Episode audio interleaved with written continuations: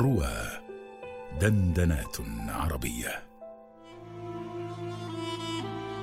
فلسفة قصة على رواه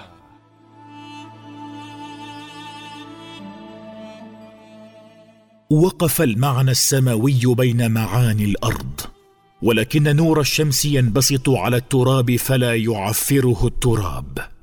وما هو بنور يضيء أكثر مما هو قوة تعمل بالعناصر التي من طبيعتها أن تحول في العناصر التي من شأنها أن تتحول.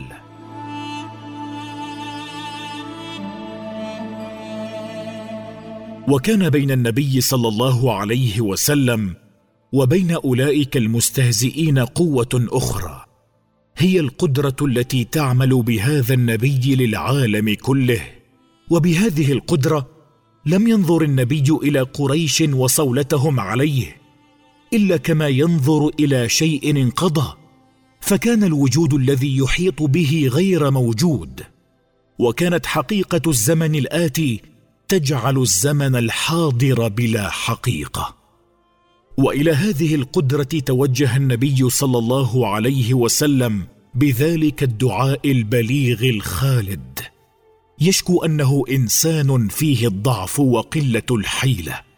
فينطق الإنساني فيه بالشطر الأول من الدعاء يذكر انفراده وآثار انفراده ويتوجع لما بينه وبين إنسانية قومه ثم ينطق الروحاني فيه بعد ذلك إلى آخر الدعاء متوجها إلى مصدره الإلهي قائلا أول ما يقول إن لم يكن بك علي غضب فلا أبالي.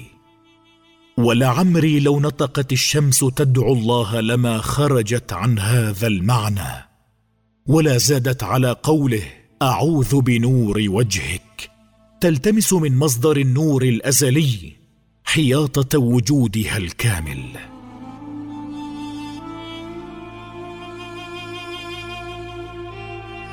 ولقد هزأوا من قبل بالمسيح عليه السلام فقال للساخرين منه ليس نبي بلا كرامة إلا في وطنه وفي بيته وبهذا رد عليهم رد من انسلخ منهم. وقال لهم قول من ليس له حكم فيهم وأخذهم بالشريعة الأدبية لا العملية إذ كان عليه السلام كالحكمة الطائفة ليست لكل قلب ولا لكل عقل ولكنها لمن أعد لها وشريعته أكثرها في التعبير وأقلها في العمل ولم تجئ بالقوة العاملة. فلم يكن بد من أن تضع الموعظة في مكان السيف وأن تكون قائمة على النهي أكثر مما هي قائمة على الأمر وأن تكون كشمس الشتاء الجميلة لا تغلي بها الأرض وإنما عملها أن تمهد هذه الأرض لفصل آخر.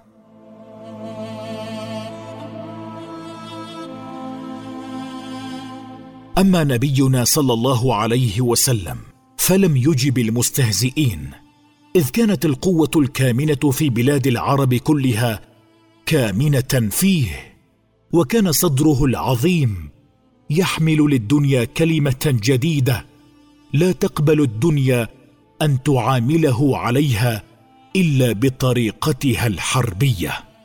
فلم يرد رد الشاعر الذي يريد من الكلمة معناها البليغ. ولكنه سكت سكوت المجترع الذي لا يريد من الكلمة إلا عملها حين يتكلم. وكان في سكوته كلام كثير في فلسفة الإرادة والحرية والتطور وأن لا بد أن يتحول القوم وأن لا بد أن يتفطر هذا الشجر الأجرد عن ورق جديد أخضر ينمو بالحياة. لم يتسخط ولم يقل شيئا. وكان كالصانع الذي لا يرد على خطأ الآلة بسخط ولا يأس بل بإرسال يده في إصلاحها.